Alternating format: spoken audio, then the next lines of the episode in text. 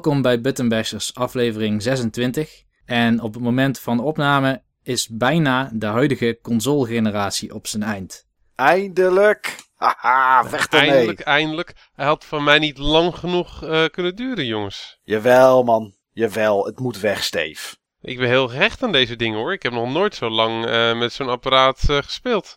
Ja, ik ook. Maar kijk naar een GTA, kijk naar een Battlefield, kijk naar een Call of Duty. De, hardware trekt het niet meer. We moeten Nou, zal, ik door. je, zal ik je geheimtje eh, verklappen, Mike? Komt ik vast zit- iets met een Wii U. Ik zit te springen tot die dingen eh, Oh. eindelijk vervangen kunnen worden. Gelukkig. Maar Ja. goed, eh, we hebben Niels' zijn intro gekaapt. Niels, excuses. Ah, Niels is niet anders gewend van ons. En eigenlijk Nee. vraagt Niels er een beetje om soms. Ik reken erop. Oh, dat is, het- dat is het weer. Ja, ehm, misschien weet je al dat we inmiddels ook via iTunes Button Bashers hebben aangemeld. Misschien ook niet, Misschien weet je dat nog niet. maar dan weet maar je daar nu. wil ik het dus even kort over hebben. Vanaf een tijdje, dus sinds aflevering 20 ongeveer, kun je Button Bashers ook op de iTunes Store vinden. Dus via je iPad bijvoorbeeld. En daar heb je een handige podcast-app voor. En dan kun je je abonneren op onze afleveringen. En dan krijg je ze automatisch meteen wanneer ze uitkomen. Worden ze automatisch gedownload en eh, word je daarvoor voor genotified. Dat is wel luxe. Ik wist niet dat het op die manier ging tegenwoordig.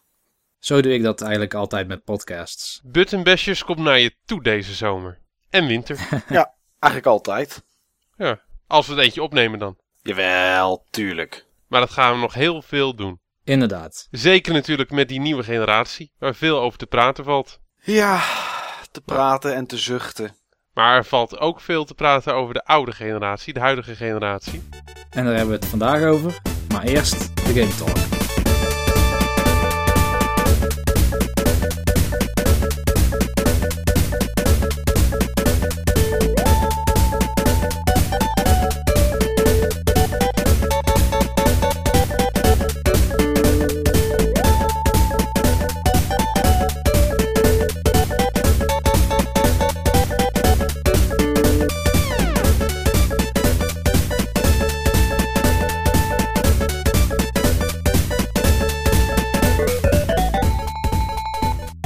Oké, de Game Talk. Mike, wat heb jij gespeeld de afgelopen tijd? Ehm, ik ben de laatste drie dagen, en op het moment dat we deze podcast uitzenden, is dat dus, zit daar nog een weekje extra bij. En ik weet zeker dat ik die week ook enorm benut om mij helemaal te verdiepen. En volgens mijn vriendin ben ik verslaafd aan Hearthstone. De in augustus aangekondigde kaartgame van Blizzard. Ik eh, zal gelijk met de billen blootgaan dat op het moment dat ze die lieten zien nou, ik de weet niet of we dat willen zien hoor, Mike. nou wel, jawel, jawel. Ik weet zeker dat er dames zijn die naar deze podcast luisteren die daar graag een blik op werpen. En eh, ja, ook die ik moeten... zal ze het- jouw nummer geven. Dat is niet de bedoeling. Maar eh, toen het in augustus aangekondigd werd door Blizzard op de BlizzCon, toen walgde ik er eigenlijk van. Waarom? Ik had helemaal geen zin in een kaartgame en ik wilde gewoon een echte nieuwe game van Blizzard. Eh, het waren weer de, de, de, de Warcraft figuurtjes, eh, dezelfde tekenstijl als World of Warcraft. Weet je, het ademde alles uit van iets wat ik niet wilde spelen. Nou goed, afgelopen week toch een key bemachtigd. En ik denk dat ik in drie dagen al meer dan 50 potjes heb gespeeld. Ehm, want het is echt heel erg tof. Het is een vrij simpel concept. Wat volgens, eh, ja, volgens sommigen lijkt op alle andere kaartspellen die er, eh, die er al zijn in het eh, Magic universum, zeg maar. Het is de bedoeling dat je ja, tegen iemand anders speelt, gewoon online. Het is puur, eh, puur online. En je kiest een klas uit, dus je bent een, een warrior of een paladin of een mage of een shaman. Nou, zo zijn alle negen classes uit de World of Warcraft zijn aanwezig. Je kiest een deck uit, dus een stapeltje kaarten. Dat zijn er in totaal 30. Dat kan je of door de computer laten doen, of dat kan je zelf beïnvloeden. Waarbij je in het begin dat vooral door de computer zal laten doen, omdat je nog geen idee hebt wat elke kaart precies kan. En dat doet je tegenstander ook. En dan ga je tegen elkaar ja, vechten, zeg maar, door het neerleggen van die kaarten. En ehm ja, de truc is dat, je, dat jij degene bent die overleeft. Dus die de, de tegenstander als eerste op zijn knieën heeft. En dat doe je door, eh, ja, door gerichte aanvallen op het personage zelf te doen. Die heeft eh 30 hitpoints. En ja, dat is eigenlijk alles. Alleen door de kaarten en door de verschillende combinaties die er zijn, zit er zoveel aan mogelijkheden in. Als je een level omhoog gaat, krijg je vaak kaarten erbij. Je kan uh, goud verzamelen om packs te kopen. Dus dan krijg je weer vijf losse kaarten erbij. Waar ook hele bijzondere tussen kunnen zitten. Waar rare kaarten tussen kunnen zitten. En ja, op die manier moet je, ja, moet je proberen elk gevecht te overwinnen. En dat is echt heel verslavend. Zeker op het moment dat je een beetje doorhebt welke kaarten wat doen. Welke je goed kan combineren. Um, dan ga je je eigen deck aanpassen en samenstellen. En dan maar hopen, want die kaarten krijg je niet op volgorde. Die krijg je zo, ze worden geschud en random worden uit die deck worden kaarten getrokken. Ja, en die krijg je dan uh, toegespeeld en daar moet je je mee zien te redden. En het is echt, echt heel tof. Nu nog in closed beta, ergens in december gooi je het in de open beta. En uh, kans blijft, of is, kans is dat het free-to-play blijft. Want je kan namelijk voor geld kan je packs kopen. En dat vind ik het enige jammere eraan. Want omdat er in elke pack een, uh, een rare of een common kaart zit, zou je in één keer een smak geld neer kunnen leggen en heel je deck vullen met allemaal rare kaarten. En dan wordt het voor mijn gevoel een beetje pay to win. Al uh, moet je nog maar wel het geluk hebben dat je die kaarten op volgorde krijgt. Of dat je ze krijgt in je potje. Maar ja, ik vind het echt, uh, echt heel tof. Vooral omdat je een potje in 5 tot 15 minuten ongeveer gespeeld kan hebben. Afhankelijk van hoe snel je zelf bent en je tegenstander en hoe het potje loopt. En dan, ja, is de verleiding erg groot om er gewoon nog eentje te starten. Dus ik eh, vermaak me er heel goed mee. Ja, en deze game die was toch gebaseerd ook op bestaande Blizzard IP's, toch? A alleen World of Warcraft. Oh, alleen World of Warcraft, oké. Wat ze van de week aangekondigd hebben tijdens de, tijdens de BlizzCon. Ik zei eerder dat deze game tijdens de BlizzCon aangekondigd was, maar dat is fout. Voor de BlizzCon was juist kort geleden. Ja, die was kort geleden. Deze was tijdens, uh, tijdens de Gamescom was die, uh, was die aangekondigd. Uh, op de BlizzCon hebben ze een, een MOBA, Heroes of Blizzard, zeg ik uit mijn hoofd dat het heet, aangekondigd. Ja. En dat is inderdaad een, net zoals Dota 2 en League of Legends, ja. is dat een, een MOBA game. En daar zit Diablo in, daar zit StarCraft in en het Warcraft universum deze MOBA die geef ik wel een kans om League of Legends van de troon te stoten. Ja, ik denk dat League of Legends hier heel veel last van gaat hebben. Ja, als ze het goed doen. Als ze het goed doen. Ja, nou, dat, dat is. Ik denk dat Blizzard het wel goed doet. Want ook hier had ik helemaal niks van verwacht. Van deze, van deze game. Van, uh, van Hearthstone. Maar. Uh, mijn hemel, wat is het verslavend, jongens. Dus dat is uh, waar ik me vooral de laatste dagen enorm mee vermaakt heb. Oké. Nou, goede zaak. Laatste Niels aan de card game uh, digitaal en nu jij. Ja, ik denk niet dat ik hierna er nog één zal pakken, maar ik ben benieuwd wat ze er verder nog mee gaan doen. Is het een game die je zou blijven spelen?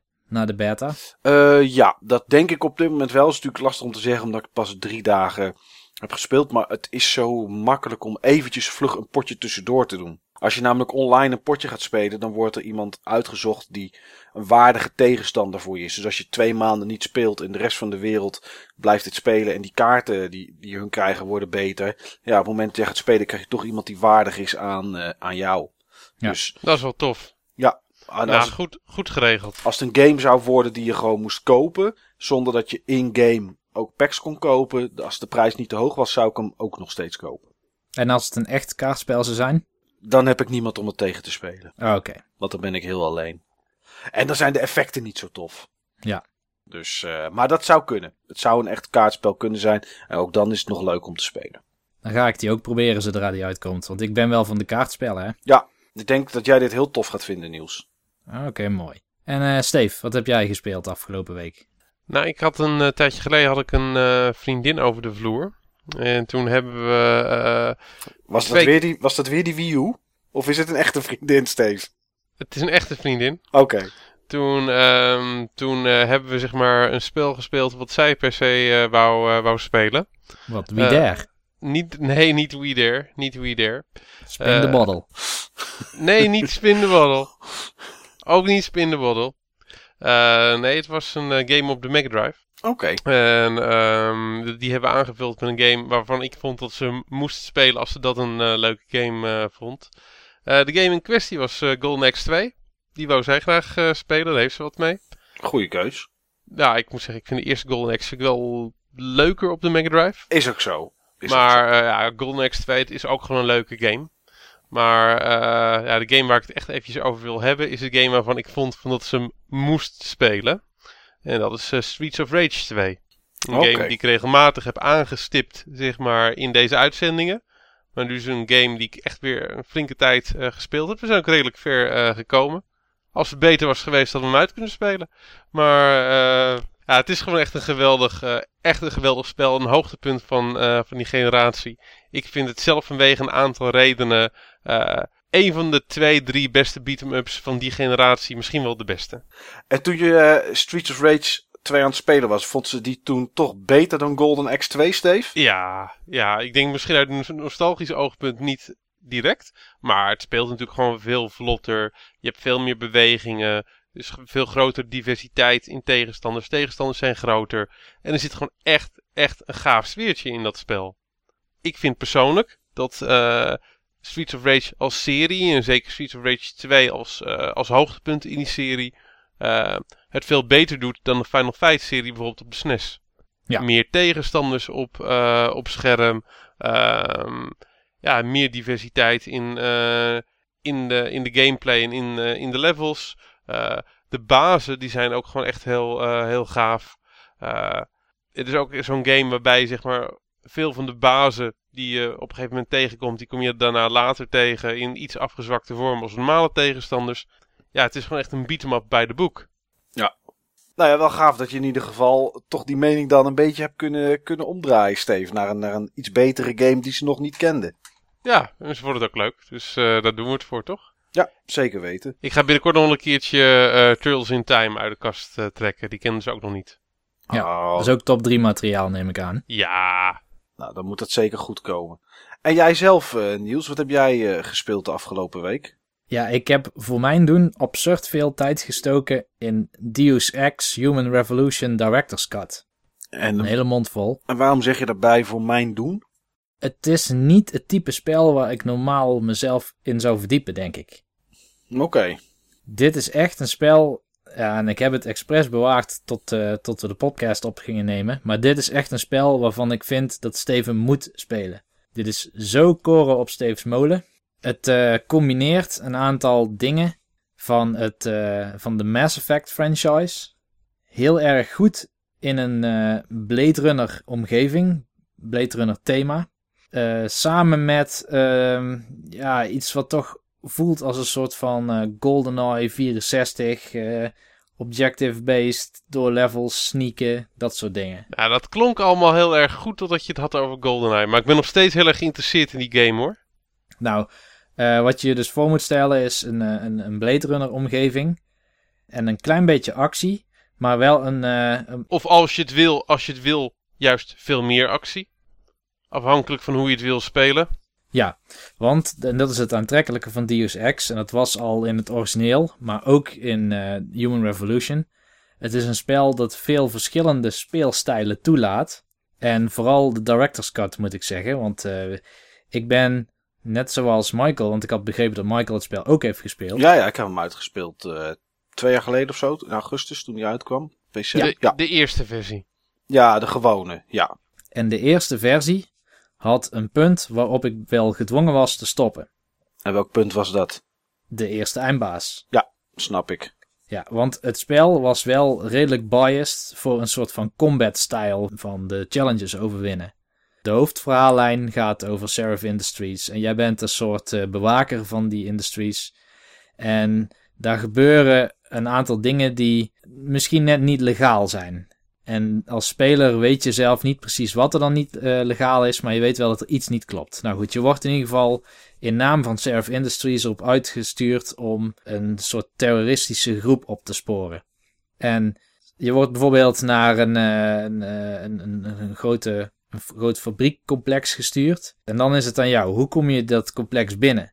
Ga jij proberen buiten het zicht te blijven van alle wachters, buiten de field of vision eh, van alle wachters die daar aan het eh, rondpatrouilleren zijn? om via een geheime ingang misschien, via het dak of via een rooster binnen te dringen en heel stil rond te sluipen en ja, over het algemeen ervoor te zorgen dat je confrontatie kan voorkomen. Of ga jij Rambo-style erin, schiet jij al die bewakers neer. Alles is goed in het spel. Alles brengt jou verder. Het probleem met de originele versie was dat de stealth aanpak, waar ik heel erg in geïnvesteerd was, want je krijgt ook praxis points, dat zijn zeg maar augmentations voor, ja, je bent een soort van cyborg. Er zijn wat, uh, wat aanpassingen aan je lichaam gedaan en uh, die kun jij nog steeds upgraden, die aanpassingen. En daar steek je dus praxis points in en die verdien je door, door te levelen, door XP te verdienen. En XP verdien je met van alles. Je kan dingen ontdekken, computers hacken, je kan uh, dingen stelen van mensen. Uh, side missions kun je gaan doen. Er, er zit verschrikkelijk veel in de game. Maar wat was nou het probleem? De eerste eindbaas bij de originele versie was puur een confrontatie op combat skills. De meeste andere eindbazen ook. ook. Ja, dat ja. waren ze allemaal inderdaad. Het was ook door een andere, andere ontwikkelaar gemaakt. Oké. Okay. En daar ja, ging het. Uh, dat was de reden. Het, daar, daar ging mis. het mis. Ja, ja die ja. waren extern, extern door een andere ontwikkelaar bedacht. Ik kwam destijds in ieder geval dat obstakel gewoon niet voorbij. Want ik had al mijn punten gestoken in hacking skills en, uh, en sneak skills. En dat soort dingetjes die zeg maar die speelstijl van niet gezien worden en overal binnensluipen uh, in de hand spelen. Daar had ik in geïnvesteerd. Dus ik kwam dat punt nooit voorbij. Nou schijnt het dat je misschien een rocket launcher had kunnen vinden ergens in het level. Maar ja, ga daar maar eens naar zoeken. Die levels die zijn zo verschrikkelijk groot. Ja. Als je een stad hebt in Deus Ex, dan zijn er redelijk wat gebouwen waar je in kan. Maar dan kun je ook in verschrikkelijk veel kamers van die gebouwen. Ja, allerlei deuren kan je in van appartementen. Ja. En het is, uh, het, heel veel mensen zeggen ja, de stad is niet zo heel groot. Ja, het is misschien wel zo. Voor je gevoel is het vergelijk met een GTA of wat dan ook. Maar er zijn wel gewoon uh, gebouwen van 10, 11, 12 verdiepingen die je elke verdieping af kan lopen. Ja. Ja, en het is gewoon al niet leuk op het moment van dat je je speelstijl moet onderbreken. Ja. Dan, dat slaat je, dan sla je eigenlijk een beetje de plank mis met het roleplayen. Ja. Maar dat hebben ze dus gefixt in deze versie. Want het gaat verder dan zeg maar de, de director's commentary die ze hebben toegevoegd en wat verbeteringen aan de renderer. Ze hebben dus echt levels aangepast om ervoor te zorgen dat je altijd op verschillende manieren zo'n challenge kan overwinnen. Voornamelijk die baasgevechten. Voornamelijk die baasgevechten, maar het eindigt daar niet. Nee. Maar het is dus wel een heel interessant spel. Het nadeel, waarom steek ik daar zoveel tijd in? Dat is omdat ik zo snel afgeleid ben als iemand mij op een missie stuurt. Want ik ga bijvoorbeeld op een missie, ik zit nu in de tweede Hub World. Uh, dat is op zich geen spoiler, maar er zijn meerdere steden waar het spel zich in afspeelt. Je begint in Detroit en daarna ga je eigenlijk naar China. Ik weet niet meer hoe die stad heet. Weet ik ook niet meer. Die, die heeft vier of vijf niveaus. Die is super gelaagd. Dat is echt uh, heel wat uh, real estate, zeg maar, wat je af kan exploren als je daar zin in hebt. En daar had ik dus zin in.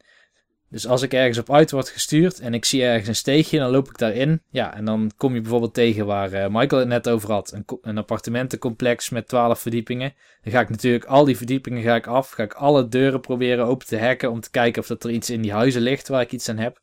Ja, dan ben je wel even bezig. Ja, maar dat houdt het wel leuk. Ja, dat houdt het zeker leuk. En uh, ik moet zeggen, ik vermaak me heel erg met Deus Ex. Meer nog dan dat ik me met de Mass Effect trilogie heb uh, vermaakt. Dus ik ben wel blij dat ik hem heb gekocht. Nou, dat is een goede zaak. Ja. Nou heb ik toch wel een beetje spijt van dat ik hem uh, vorige week niet besteld had. Want ik had zeg maar een kortingscode voor, uh, voor Zevi. Die ik uh, gekregen had per e-mail. Die ik wou gebruiken om die game en nog wat andere games te, te bestellen. Ik heb uiteindelijk alleen Wonderful 101 besteld. Oké. Okay. Waarvan ik denk dat wel jouw jou goedkeuring krijgt. Ja, absoluut. The Wonderful 101... Um, ja, het zijn twee niet vergelijkbare games, maar The Wonderful 101 belichaamt wel heel veel dingen die ik cool vind aan games. Deus Ex ook, maar op een andere manier. De reden waarom ik Deus Ex nog niet had gekocht was omdat ik hem al heb. En die heb ik eigenlijk helemaal nog niet gespeeld. En dan vind ik een beetje zonde om dezelfde game dan weer nog een keer te kopen in een andere versie. Ja. Maar ik denk dat nee, ik dat, is, uh, dat is absoluut waar. Is absoluut ik denk waar. wel dat ik, uh, ja, dat ik hem uiteindelijk wel wil uh, hebben. Het is echt een hele goede overzetting hoor. Um, ik moet wel zeggen dat er best wel een groot verschil zit in hoe je het zou spelen met ja, de klassieke versie en de nieuwe versie. Ik denk vooral de, de Wii U, maar misschien ook wel de PS3-versie, want die heeft connectivity met de Vita. Want. Nou, dan zou ik hem sowieso op de Wii U uh, kopen. De Wii U uh, is hier gewoon een stuk scherper. De textures zijn gewoon een stuk beter. Ja, het ziet er waanzinnig uit trouwens, ook op de gamepad zelf. Ik heb voor de grap, ik speel bijna nooit off TV, want het is niet nodig. Maar deze game hebben ze het wel echt heel goed gedaan. Dit is off TV zoals je het zou verwachten, wanneer het Nintendo het zelf zou implementeren. Dus echt een hele, hele, hele goede port. Er is heel veel aandacht aan besteed. Nou, ik denk dat je hem heel precies hebt beschreven, Niels. En het is een mooie game. Het is een game die veel mensen zien als een van de hoogtepunten van deze generatie.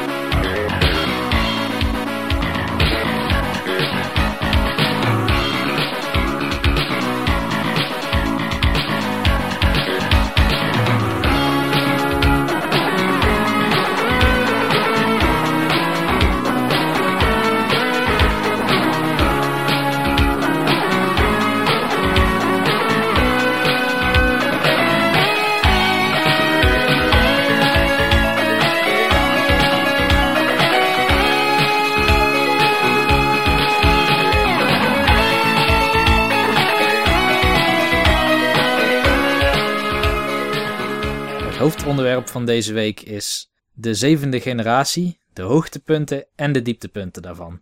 En voor het gemak gaan we het alleen even zeven, de hebben... zevende generatie klinkt een beetje als een enge secte.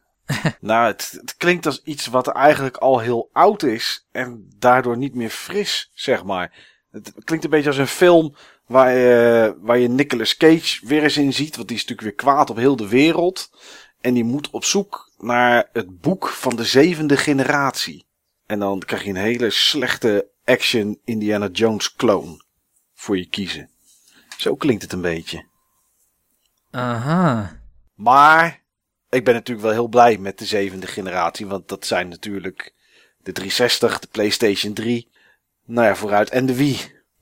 Nou, de zevende generatie heeft ons in ieder geval heel lang veel lol bezorgd. En dagelijks nog steeds, toch? Dat kan niemand ontkennen.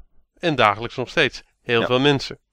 Hoeveel lol, daar gaan we het zo natuurlijk over hebben. Ja. Om eventjes terug te kijken naar het begin van die generatie. Eh, uit mijn hoofd was Microsoft de eerste. Klopt. Die was zeker weten de eerste. Die was eh, in Europa op 10 december 2005. Dat is lang geleden. Ja, acht jaar. Toen had ik, Eh. mijn, toen had ik mijn huis nog niet. Toen was ik nog geen manager van mijn afdeling. Toen was mijn leven totaal anders. Toen Zo lang, zo lang is dat geleden. toen was ik nog getrouwd. En woonde ik nog in Den Haag. Ik weet al niet meer wat ik toen deed. Het zet dingen... Waarschijnlijk was je games aan het maken, eh, Niels. En, Ja, was, nee, je, en was je games aan het spelen zonder filmpjes en muziek.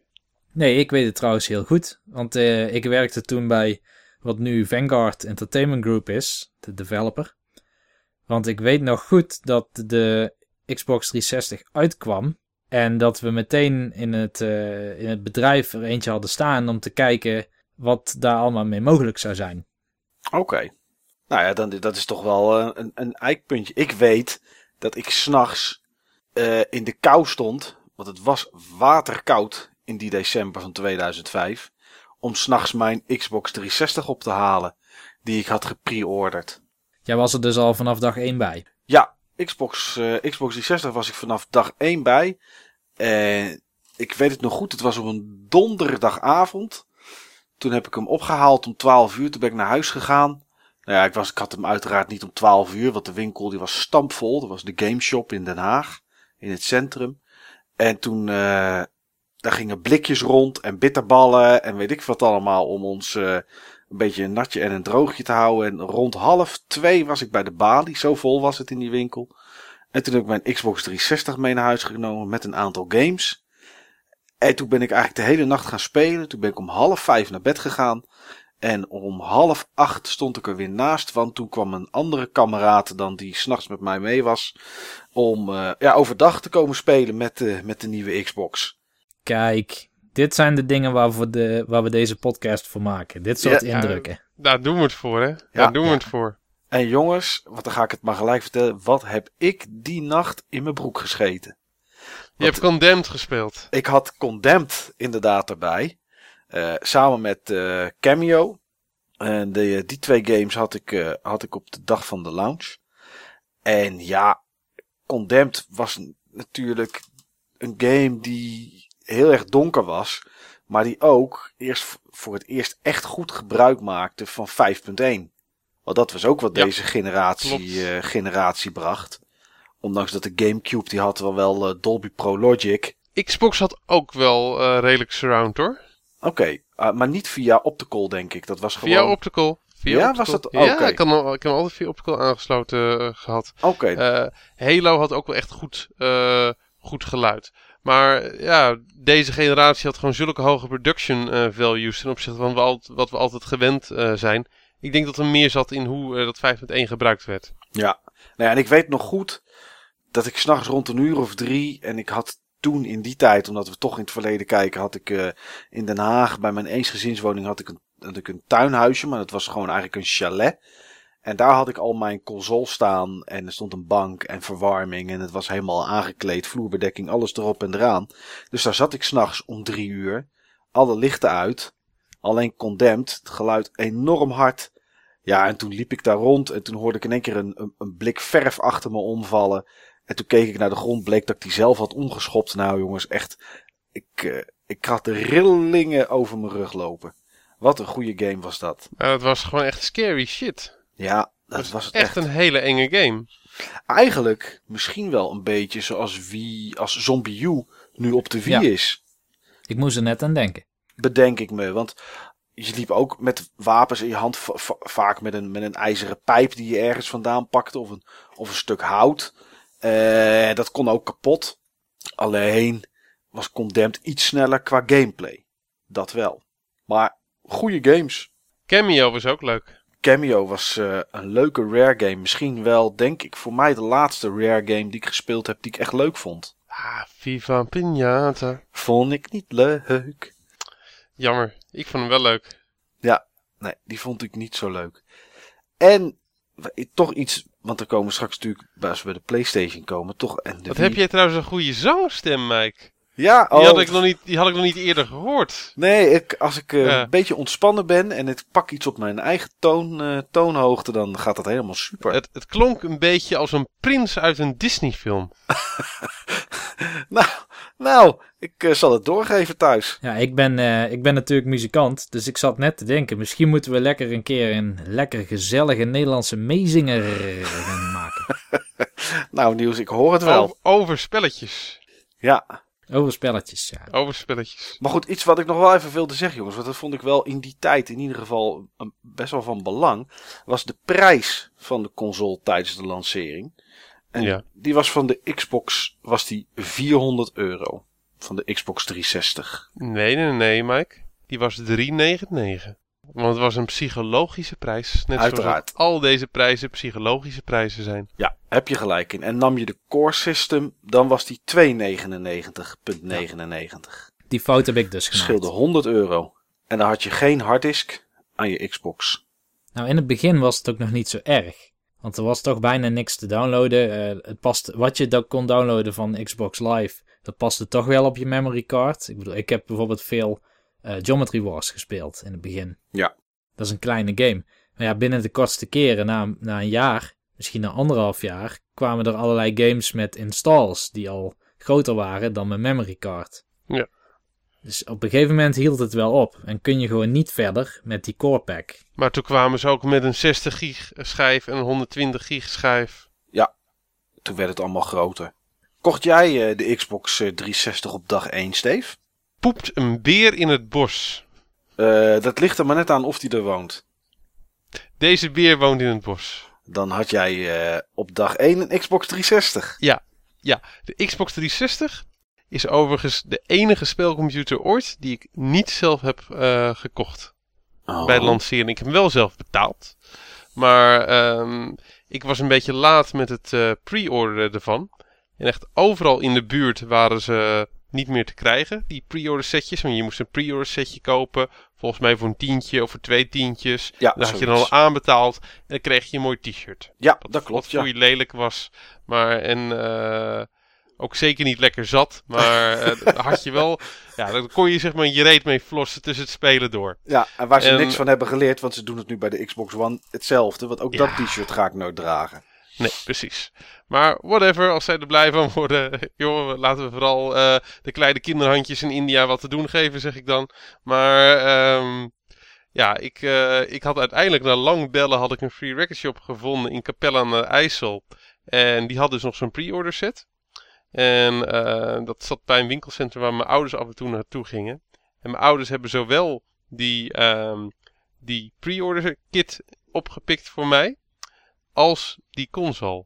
Oké. Toen, ik, uh, toen ik werkte. Ik woonde toen nog bij mijn ouders uh, thuis. Want ik had net nog gezegd, joh, dat huis dat heb ik zeg maar uh, pas gekocht na die Xbox 360. Wow, en ik woon niet echt lang. Dus dat geeft echt gewoon aan van hoe, lang, hoe lang dit geleden is. Ik schrik er zelf ook een beetje van als ik eerlijk ben. Maar ehm, mijn ouders die hebben zeg maar ook zeg maar, die console toen voor mij gekocht. Samen met Project Gotham Racing. Ja. Uh, Cameo en Call of Duty 2. Dat ik zeg maar gewoon alle genres uh, compleet had. Uh, een, een, platformer, een racer en een, en een shooter. Oké. Okay. En ik vond het ook alle drie echt hele gave games. Ik heb het minste gespeeld met Project Gotham Racing. dat vond ik altijd wel leuk, die serie.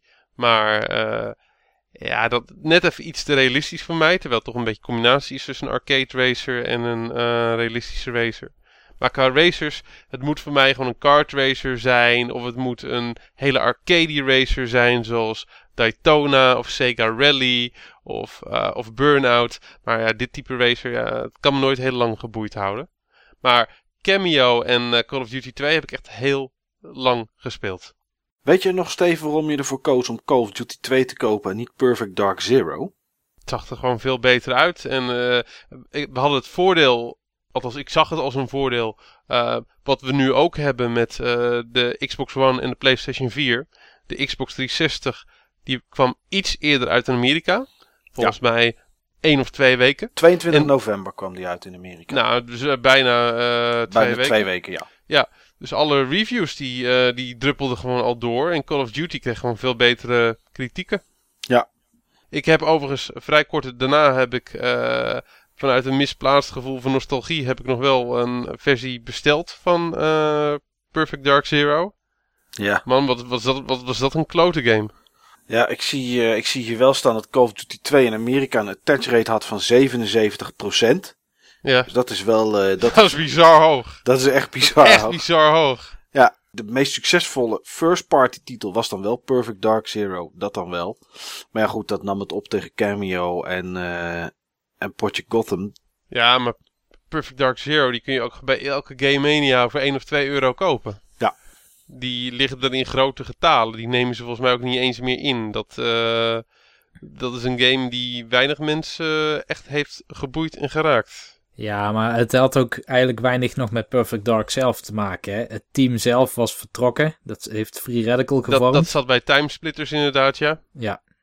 Wat overigens ook niet een heel lang leven beschoren was. Want ze gingen op een PS3 exclusive onderuit. Hoe heette die game ook weer? Uh, Haze. Oh. oh, die was slecht. Ja, met dat gele, met dat gele, gele met, armor. Met dat, gebroken, met dat gebroken vizier. Ja. Maar uh, ja, ik weet nog wel, van dat ik zeg maar ook bij de mediamarkt, voordat die Xbox 360 uitkwam, heb ik ook heel veel naar demo units staan kijken en met demo units staan spelen. En wat de Xbox 360 natuurlijk ook bracht, wat nieuw was. Uh, althans wel voor mij, want ik uh, was niet, niet echt een PC-gamer op dat moment. Dat waren gewoon die HD graphics. Ja. En ik heb toen ook speciaal een uh, HD-TV gekocht voor mijn Xbox 360. Ook zo'n lekkere eerste generatie HD-TV waar al je andere consoles met SCART in, uh, in 4x3 beeld, dat zag er gewoon allemaal niet, niet meer uit. Want de scaling was abominabel en hoe die met SCART omging, dat was echt 300% kloten. Dus ik heb extra veel met mijn Xbox uh, 360 uh, zitten spelen, want dat was tenminste echt mooi. En jij Niels? Ja, ik, uh, ik heb hem vrij laat pas gekocht. Want ik had natuurlijk op mijn werk dat ik al redelijk wat kon uitproberen. Ik heb daar volgens mij Gun of zo gespeeld. Gun ja. 2. Gun, dat was een launch titel ook inderdaad, ja. Dat was Ja. een opgevoerde Xbox game. Ja, en daar was ik zelf best wel teleurgesteld door. Want bijvoorbeeld eh, Chronicles of Riddick heeft de lat vrij hoog gelegd destijds voor bepaalde lighting en shader effecten. En Gun was gewoon een soort van, ja, inderdaad een, een, een ja, niet eens Full HD volgens mij, maar gewoon een, een high-res PlayStation 2 Xbox game zonder fancy effecten. Dus ik was niet al te optimistisch. Ik werd pas optimistisch toen ik in één keer Gears, Gears of War in mijn handen geduwd kreeg. En dat ze zeiden, ga hier maar eens naar kijken hoe dit gemaakt is. En toen heb ik meteen een eh, Xbox 360 gekocht. Met Call of Duty 2. eh, Gears of War uiteraard. eh, Ghost Recon. Er was een Ghost Recon die ook best Die wel... was ook goed. Ja. En volgens mij had ik ook nog... Advanced. Warfighter. Ghost Recon Advanced Warfighter. Precies, die ja, ja, ja. En eh, ja, eh, Gears of War was voor mij echt de start van de generatie. Toen dacht ik echt, oké, nu Ik zijn denk, we... ik denk een, terechte, een terechte start, eh, Niels. Oké, En ik denk ook, een, eh, ik denk dat ook voor meer mensen eh, de start, het startschot van de generatie was. Ik denk dat dat sowieso wel is ehm, bij de generatie van nu. De Xbox, PlayStation, eh, Wii-generatie. En ook bij de volgende. Dat het startschot pas later wordt gegeven eigenlijk dan de dag dat die uitkomt. Ik weet niet of dat altijd zo is geweest. Ik weet niet hoe dat geweest is met de PlayStation 2 en, en de Xbox 1, zeg maar. Of dat daar net zo was. Mhm. Maar dat is eigenlijk nu, en met de Bij Wii zie de ook. generatie van de PlayStation 2 zaten we gewoon direct in die generatie. Lang leefde de Dreamcast. Ja, Oh ja. En eh, ja, en bij de PlayStation eigenlijk idem dito, want die bracht gewoon al die 3D-games waar dat eh, daarvoor, dat was nog eens een keer echt vernieuwend. Nou, Ja. dat was het ook. PlayStation 1 was vernieuwend. Van PlayStation 1 naar de generatie van de PlayStation 2 ook. Want die graphics gingen er een enorm Ja. stuk op vooruit. Klopt, klopt. En nu, nou, je ziet het aan alle titels die natuurlijk op PlayStation, die cross-gen zeg maar uitkomen. Hè? Een Call of Duty, een Battlefield, een, een Need for Speed en dat soort dingen. Ja, je kan deze kerst kan je ze net zo goed kopen op de huidige generatie natuurlijk dan, dan de volgende. Dus ik denk dat dat wel langer zal blijven. Al moet ik wel zeggen, wat ik tot nu toe gezien heb op filmpjes, vind ik het verschil wel groter dan bijvoorbeeld zo'n gun die, eh, die Niels aanhaalt Ja. tussen Xbox en eh, Xbox 360. Maar het, ja, we hebben het ook over een verschil van 8 jaar in hardware. En eh, ja, het, verschil tussen 720p en 1080p en tussen high-res textures en normale kwaliteit textures, daar kun je het alleen al behoorlijk eh, goed mee eh, ja, in ieder geval een beetje window dressen om te laten zien van kijk, we hebben er toch moeite in gestoken om er wat mooiers van te maken. Ja. En vrij simpele effecten, dingen als lichteffecten, ja, poets het een beetje op, het ziet er alweer mooier uit. En bijvoorbeeld om Assassin's Creed Black Flag, ze hebben de weereffecten, ze hebben de watereffecten, ze hebben de effecten van de planten en dergelijke wel een heel stuk verbeterd. Maar in, sen- in essentie blijft het dezelfde game. En de mensen zijn op een soortgelijke manier eh, geanimeerd. Eh, de levels hebben dezelfde opbouw. Ik heb die PlayStation 3 versie echt goed bekeken, omdat ik gewoon benieuwd was naar het verschil. Ik heb echt veel comparison video's eh, gezien. PlayStation 4 beelden zijn allemaal al vrijgegeven voor dit soort eh, vergelijkingen. PlayStation 4 is mooier. PlayStation 3 versie kom je niet aan tekort. En dat is denk ik in die tijd met Xbox, eh, Xbox 360 en PS3 is dat ook wel zo geweest dat het voor mensen later begon. Inderdaad, net zoals wat Niels had. En ik moet zeggen, er waren dan wel wat cross-gen eh, titels in die tijd. Maar het is maar een relatief korte periode geweest. Ja, een stuk minder voor mijn gevoel. Ja, De NBA-titels en, en dat soort dingen natuurlijk wel. Maar ja, en de. FIVA's, maar Ja, dat is logisch. ja FIFA 14 is er ook is er gewoon nog voor de PlayStation 2 uitgekomen dit jaar. Dus wat dat betreft, hè, dat soort spul blijft wel. Maar een Condemned en een Cameo, omdat we het nu even over de 360 hebben. En een Perfect Dark Zero en, en Project Gotham en dat soort dingen. Dat was toch echt alleen maar voor de Xbox 360. Call of Ja. Duty 2. Je hebt bijvoorbeeld Call of Duty Ghost. Dat komt echt uit op elk platform wat je je maar voor kan stellen. Ja, en dat en Call is, of Duty 2 was er echt een Xbox eh, 360 en PC game. Maar goed, ehm, we gaan het later in de aflevering nog wel hebben over eh, wat er later met de 360 gebeurde en hoe het zich ontwikkeld heeft. Zeker. Maar ik wil even blijven bij de, bij de launches van de verschillende consoles. Want het zou nog een jaar duren voordat de volgende kwam. En dat was in eh, december 2006 de Wii. En Steve, weet jij nog hoe dat op jou afkwam? Nee. Nou, dat is kort. En hoe komt dat, Steve? Ja, ja, ik kan me wel de lancering van, eh, van de Wii eh, herinneren. Ik moest alleen eventjes iets langer denken, sorry. Ehm, ik heb voor het eerst een Wii gezien en voor het eerst met een Wii gespeeld. Op zeg maar een voorloper van First Look. Op de HCC. Ja, het werd gegeven met de HCC. Het, was gecombineerd met de HCC. Het heette wel anders. Dat wel een gamesachtige naam. Het had wel, zeg maar, eh, het was ook veel kleiner dan de First Look. Maar anyway, er was een jaarbeurs, was een van de game event. En eh, in november, en dan kon je zeg maar dus uh, voor dat ding uitkwam spelen met de Wii U. En ik heb toen Wii Sports staan spelen samen met een, ja, met een vriend. En ik vond het helemaal niks. Waarom vond je het niks? Het bewegen niet? Of de accuraatheid van de beweging? Uh, de was het? accuratesse, inderdaad. Ja, het was, gewoon, uh, het was gewoon niet nauwkeurig en ik vond het gewoon niet leuk. We hebben toen wat boxen staan spelen en uh, ja, ik vond het gewoon niet leuk. Hoe lang duurde het dan voordat jij er een had? Um, ik heb er eentje gekocht toen mijn Xbox 360 was overleden. Vrij kort, dat doen ze wel eens, die Xbox 360. Dat ja, de versie die ik had. Uh, toen hij was overleden na de lancering van GTA. Toen is mijn CD-drive is toen uh, uh, naar zijn grootje gegaan. Want met GTA 4 toen moest hij zeg maar ook extra toeren maken. Want die CD werd echt continu, continu, continu belast. En dat trok hij niet. En ik had toen een vriendin en die wou hem samen met mij, samen met mij spelen. Ze was echt helemaal into GTA. En we, we hebben toen ook samen op de lanceringsavond hebben we in de rij gestaan zeg maar, voor dat spel. En twee dagen later was die Xbox 360 dan kapot. En ik heb er gewoon een andere gekocht. En toen stond ik in die winkel. En toen stond er eindelijk eens een keer in die winkel een, uh, een Wii. Die stond er gewoon echt. Ja. En dat was toen in die tijd zeldzaam. Want uh, de Wii, na het verschijnen ervan... Ze waren echt overal uitverkocht en overal waren er wachtlijsten. En het ding sprak me gewoon niet genoeg aan om op zo'n wachtlijst te zetten. En het was toen ook de periode dat Mario Kart net uit was. En Mario Galaxy, dat zou niet zo heel erg lang meer duren. En dat waren titels die me aanspraken. En toen heb ik zeg maar tegelijkertijd met mijn tweede Xbox 360... heb ik die, uh, die Wii gekocht. Oké. Okay. En, en jij, Michael? Want uh, ja, je wil natuurlijk eigenlijk voordoen alsof je nooit een Wii hebt gekocht. Maar ik weet dat je er een hebt. Jazeker. Uh, die heb ik overigens wel gekregen. Dus dat wil ik er nog wel even bij zeggen. Maar ik heb ooit wel een Wii gekocht.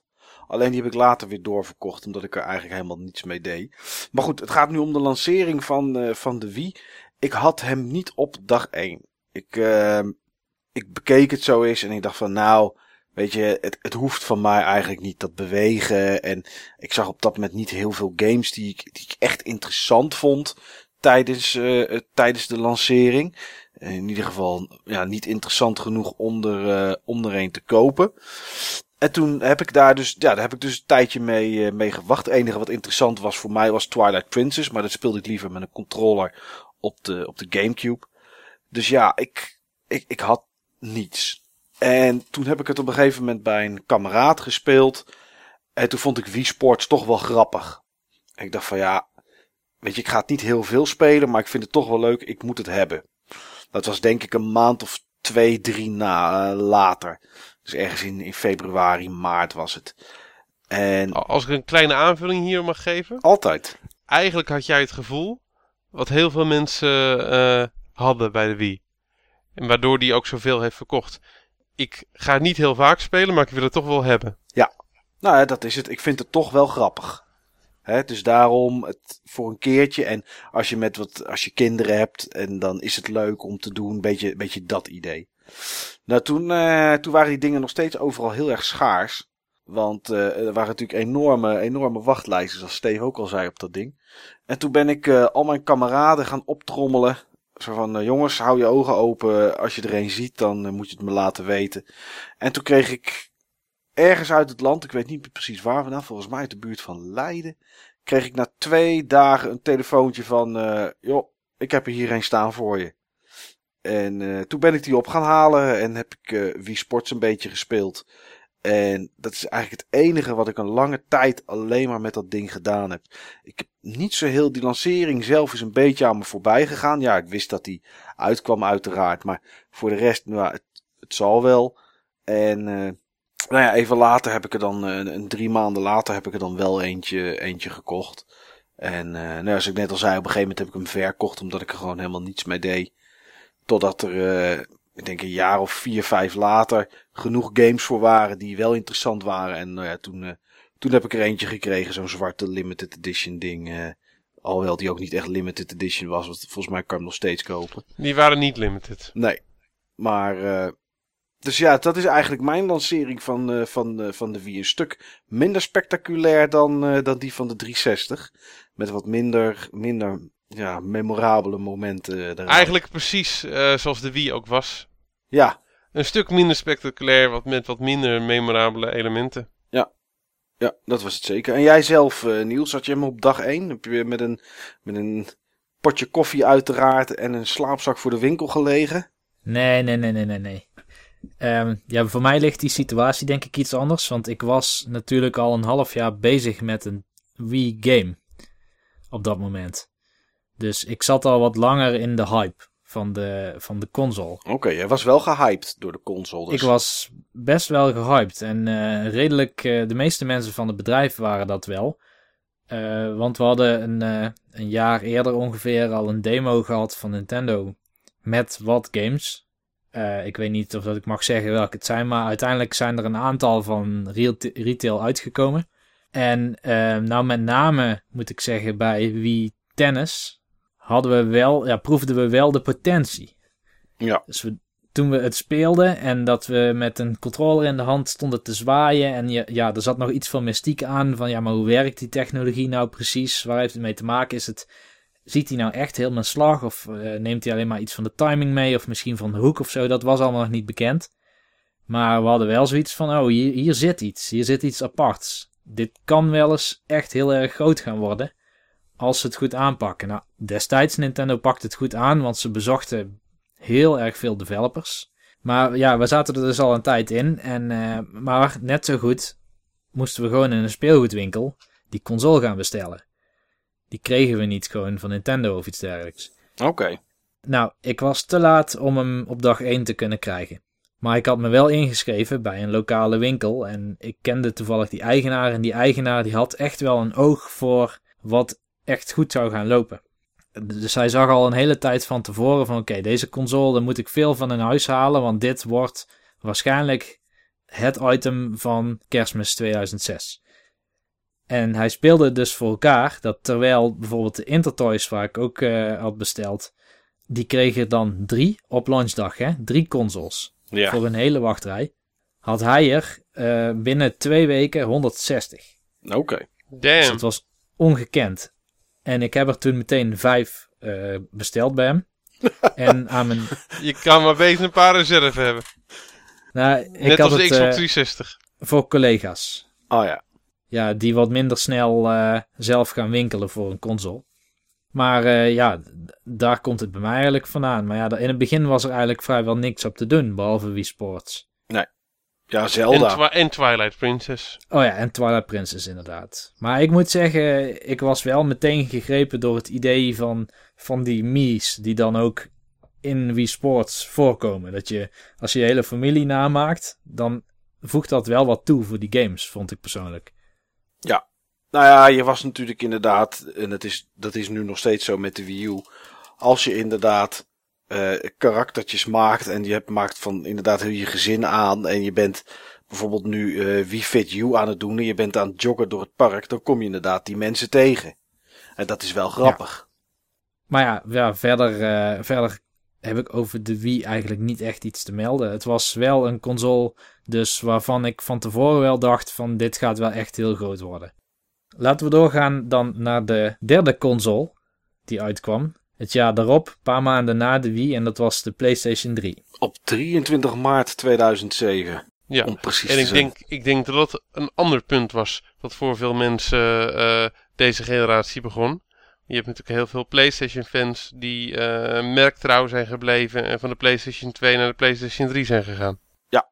Die zijn... Nou, was dat wel zo? Ja, maar ik heb, ik heb het niet over direct, hè. Oké. Okay. Ik denk dat uh, ja, PlayStation fans, dat denk ik wel dat er veel uh, PlayStation fans zijn gebleven. Maar ik denk... Ja. Zeker hier in Europa. zeker. Maar ik denk dat daar wel een goede, eh, nou ja, goede. Ik denk dat daar wel een duidelijk aanwijsbare reden voor is. Dat de PlayStation 3 in begintijd niet zo goed heeft verkocht. Ja, en noem jij hem, noem ik hem. Nou, dat was voor, ik, laat ik het zo zeggen, het was voor mij de reden dat ik er op dag 1 niet één kocht. De bizar hoge prijs. Ik had geen 600 euro in mijn zak zitten op dat moment. Ja. En dat was echt een bizar hoog bedrag. Hebben ze ook later, later toegegeven dat het echt een fout was. En Ik denk zelfs dat die console in eerste instantie meer verkocht aan eh, ja, videofiles, mensen die een Blu-ray speler goedkoop wilden hebben, dan gamers. Dat zou eh, goed kunnen, want het was een eh, uitstekende Blu-ray speler. nog steeds. Ik gebruik hem, eh, het is mijn, het is mijn Blu-ray speler ook voor Hij doet 3D. nauwelijks onder, onder eh, de beste Blu-ray spelers. Ja, dat hebben ze heel goed gedaan inderdaad, door, eh, door die er gelijk in te zetten. Maar ja, het was ook, het, draai, het dreef ook de prijs enorm omhoog. Wat 600 euro jongens. Ja, weet je, even, even heel plat gezegd hè. Dan zeggen we 600 euro, hoop geld. Is het ook hoor. Ik bedoel, eh, het is niet dat ik het, eh, dat ik het makkelijk in mijn zak heb zitten. Maar als je het omrekent, kom je op 1300 nog wat eh, gulden uit. Om maar even heel, heel plat te zeggen. Mijn PlayStation 2, die ik denk 2001 uitkwam, zo even heel Kostte denk ik af. 900 gulden. Nou, daar heb ik meer voor betaald. Meer? Was het over de 1000? Ja.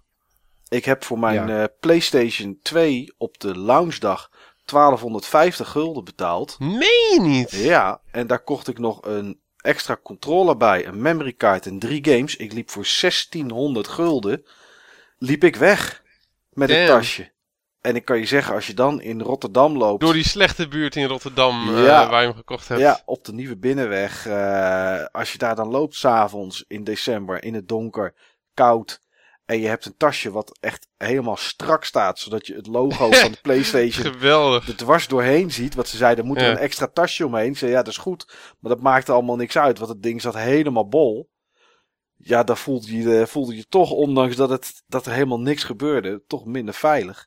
Maar goed, ik, ja, ik was dus iets van 1600 gulden kwijt. En ehm, dat, was, dat klinkt voor je, nou ja, dat klinkt nu, als je daaraan denkt, klinkt het echt als een bizar hoog bedrag. Dus eigenlijk was 600 euro qua bedrag, viel dat nog wel ja, weet je, het viel in, in de prijscategorie van de PlayStation 2. Alleen, ja, misschien waren de tijden wat anders. Alhoewel, volgens mij hadden we het toen ook allemaal nog wel goed als je kijkt naar de crisis van nu, hè, verglobaal Ja, ja, genomen. ja.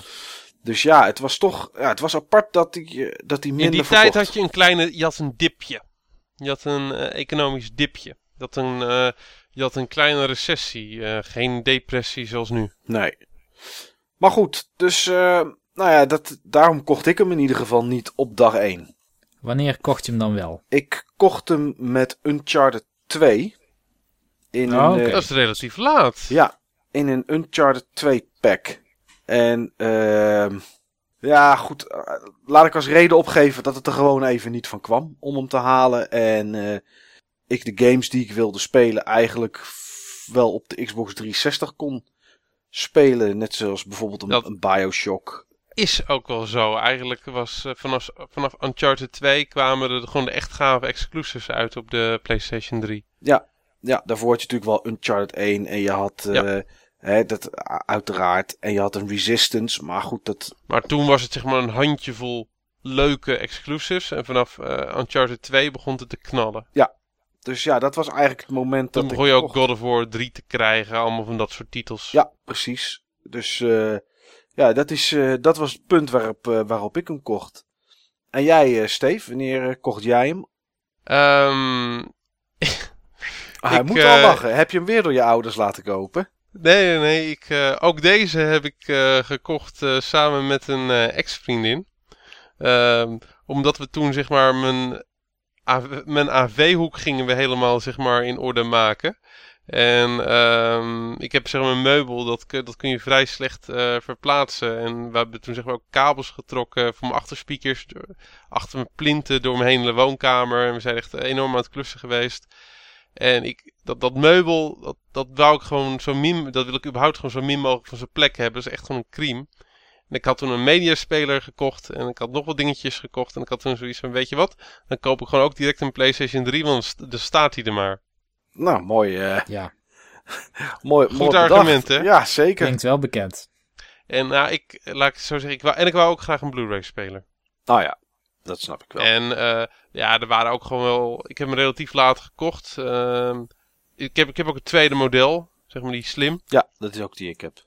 En je kon gewoon zoveel spellen goedkoop of tweedehands kopen voor een happenkrats. Ik heb Uncharted 2 gekocht voor een tientje. Ik heb, eh, ja, ik heb gewoon heel veel exclusives gekocht voor tweedehands voor ron- rond de 10 euro. Ja. En voordat ik het weet eh, had ik eh, zeg maar een hele verzameling exclusives. Die ik nauwelijks heb gespeeld. Ja, dat heb ik. Mijn, mijn god, wat zijn er... Wij... Ik denk dat er geen spelcomputer is. waar ik full prijs voor betaald heb. Die ik gekocht heb, zeg maar, tijdens de levensloop. Waar ik zo, me, zo weinig mee heb gedaan qua games. Die PlayStation 3. Is dat niet nu aan het einde van de rit meer geworden? Want bij mij is het juist omgedraaid. In het begin deed ik alles met de Xbox 360. En op een gegeven moment ging de PlayStation eh, 3 ging wat meer lopen met exclusieve titels. En nu speel ik eigenlijk nooit meer met mijn Xbox 360 en alleen maar met mijn PS3. Nou, nee. Ik, eh, ik vind die controller gewoon een stuk, eh, een stuk prettiger. En als ik eerlijk ben, ik heb ook het laatste half jaar amper Xbox 360 games eh, gespeeld. Ja, Ik ben gewoon, als ik eerlijk ben, ook een beetje klaar bij, met deze generatie. En ja, de enige console waar ik de laatste tijd gewoon tijd in heb gestoken is die, ehm, is die Wii U. En ik heb met name dit jaar gewoon echt heel veel gedaan met de 3DS. Ja. 2000, eh, 2013 was voor mij tot nu toe het grote 3DS-jaar. oké. En jij eh, Niels? PlayStation 3 dag 1? Nee, nog niet dag 1, nee. Nee, een beetje hetzelfde verhaal als met wie. Eh, ik was toen net bezig met Greur Games, geloof ik. Dus ja, dan heb je al weer iets meer beeld van eh, wat die console precies inhoudt. Ja. Maar, ehm, nou, ik had een beetje hetzelfde als bij de Xbox. Ik dacht, ik wacht eventjes totdat die game ko- komt die mij over de streep trekt. Maar die game kwam eigenlijk niet echt. En op een gegeven moment was mijn launch, eh, mijn launch Xbox 360 kapot. En toen ben ik naar de winkel gegaan. Eh, ik heb het volgende gekocht. Een HD-TV, want die had ik nog niet. Een nieuwe Xbox eh, 360. En een PlayStation 3. Ik dacht, dan doen we het meteen goed. Zo. Ja, wie het breed hebt, laat het breed hangen. Wat een jups zijn wij toch, eh, Niels? Ja, jullie twee hè? En jups. Ja, zo naar de winkel. Ik zei al, Even- eh, Steve, het klinkt bekend wat je zei. Ja, ja, ik weet het. ik, ik hoorde het je zeggen. Even je kan het maar meteen kaart. hebben. En eh, ja, eh, zei ook gewoon direct, ja, doe er ook maar een paar grammetjes kook bij. ik, had wel, ehm, En een kratje breezers. Ik had wel een veel te dure HDMI-kabel erbij gekocht. Met goud eh, gold-plated eh, Ja. aansluitingen. Ja, ja, ja. Zo eentje. Ja, ik, ik, ik, heb daar, ik ben daar nooit ingetrapt. Ik wist van dat het geen verschil maakte. Nee, precies. Dat maakte het ook niet. Maar ik heb weer veel te dure speakerkabels eh, gekocht. Oh, oh, oh. Ook veel, veel, te, veel te dik. En ja, ik, toen, daar ben ik weer in gestonken. Dus eh, ja, echt, joh. Mensen, de grootste maffia, kabelboeren. Echt wel. Echt waar. Ja. Echt waar. Ja. Ja, gewoon highway robbery. Echt waar. Ja, maar goed, eh, ik, ik had wel hetzelfde als wat Michael net vertelde. Ik heb wel een soort omslagpunt gekend. Waar, eh, want in het begin had ik de PlayStation 3 wel. En ik, eh, ik denk dat ik er in de eerste maand twee uur mee heb gespeeld. En daarna heeft hij maanden uitgestaan. En daarna heb ik hem, even kijken, volgens mij was dat dan rond de koers van de, toen de Slim uitkwam toen is bij mij het gaan veranderen. Grand Theft, of eh, wat was het? Gran Turismo 5 kwam uit en de Slim kwam uit. En volgens mij had je ook net de Kinect die uitkwam. En toen dacht ik van ja, ik ga eens wat meer met die PlayStation 3 doen. En dan heb ik wel hetzelfde als met Mike, dat ik meer heb gespeeld op de PlayStation 3. Hoewel ik het wel met je eens ben, eh Steve, dat de, de controller van de Xbox 360, dat die eigenlijk fijner is. Comfortabeler in je hand ligt. En met multiplayer games is het eigenlijk zo 9 van de 10 keer Xbox 360 versie beter. Ja. Laatste jaren niet veel. En de laatste jaren eh, gebeurt ook wel steeds vaker dat de PlayStation 3 versie net iets beter eh, is. Heb ik het echt over de allerlaatste titels van de generatie. Maar eh, zeker in het begin was het verschil heel groot. En eh, ook halverwege de generatie is het verschil ook nog steeds aanzienlijk geweest. Ja, en de competitieve scene eh, wordt ook nog steeds Xbox 360 vaak gebruikt. Bijvoorbeeld in Fighters, eh, Street Fighter 4 reageert sneller op controls op de Xbox dan op de PlayStation 3. Oké, Vandaar dat eh, de toernooien altijd op Xbox worden gedaan. grappig, dat weet ik dan nu. Ja. Leuk. Ja. Ja, sowieso. Hè. We hebben natuurlijk een hele periode gehad, in, inderdaad in het midden vooral, waarin eh, multiplatform games ja, op de Xbox 360 er gewoon inderdaad altijd beter uitzagen. Ik kan me nog heel goed een video herinneren van echt een beroerde game. Maar goed, die staat er nog heel erg bij van de Ghostbusters. Eh, en dan zag je die twee games naast elkaar. Ja, wat een wereld van verschil, jongens. Dat was echt, eh, dat was echt, dat ja, was bijna een vloek die er rustte op de PlayStation 3. En ja, goed, waarschijnlijk denken we allemaal dat het komt natuurlijk door die eh, zeer krachtige celprocessor die erin zit. Maar ja, aangezien de games op de PC werden gemaakt en daarna overgezet werden naar de 360, ja, was er, eh, moesten ze het maar doen met wat mindere kwaliteit op de PS3. Wel een soort van vloek die er rustte op, eh, op multiplatform games. Ehm, Ja. Maar er zijn natuurlijk nog wel meer vloeken geweest, eh Steve, eh, deze generatie. Oh ja, een hele serie eh, vloeken. En jij hebt het natuurlijk Eén- net alleen genoemd. een van de belangrijkste vloeken hebben we al eh, genoemd, zowel Niels als ik. Ja, Onze gesneuvelde Xbox 360's in de Heat of Battle. en daar kan Ja, ik die van mij... eh, letterlijk en figuurlijk in de Heat of Battle. Daar kan ik die van mij aan toevoegen, want ook mijn Ja. eerste Xbox 360 is met de Red Ring of Death gesneuveld. Heel slecht natuurlijk. Ja. Dus eh, als dat vandaag de dag zou eh, gebeuren. Het heeft natuurlijk al de nodige negatieve spin-off eh, gehad. Maar op het moment als het vandaag de dag zou gebeuren in de social media age. Ja. Want Facebook en Twitter zijn natuurlijk vele malen groter dan, eh, Dan Hives in die tijd. dan Hives in die tijd. Eh, nee, dan is de wereld te klein. Hebben jullie ooit geprobeerd om het te repareren, je Red Ring of Death? Waar jij op duidt, eh, dat is geen manier van repareren. Je bedoelt zeker met zeg maar handdoeken inwikkelen en dan vervolgens dan eh, zeg maar de boel trucken zodat hij denkt dat hij, dat hij minder warm is dan hij is. Ja, ik, nou ja, goed, voor mij was het, het heeft bij mij redelijk gewerkt. Maar inderdaad, er was een truc om helemaal in handdoeken te wikkelen. En dan 20 minuten aan te zetten. En dan werd hij eh, zo enorm warm van. Er gingen de meest wilde verhalen gingen er over het, over het internet in die tijd. Want eh, ja, dan zouden je, je soldeerpunten zouden vloeibaar worden en weer connecten. En nou ja, goed, het meest gekke heb ik allemaal gehoord. Ik heb mensen dat ding in de oven zien stoppen. Ik heb er van alles mee zien gebeuren. Maar toch hielp het af en toe. Dat, dat oververhaal heb ik ook wel eens gehoord met eh, defecte videokaarten. Oké. Oké, nou, dat heb ik. eh, ik weet niet of dat dan met of zonder kaas erop was, maar Een, een, een broodje AMD. ja. Leg, lekker warm. Met, Ja. met een, beetje met een beetje, een beetje mosterd honingsaus eroverheen. Ik ga zo meteen, als we deze podcast hebben opgenomen, ga ik nog eventjes een Nvidia burger maken voor mezelf. ja.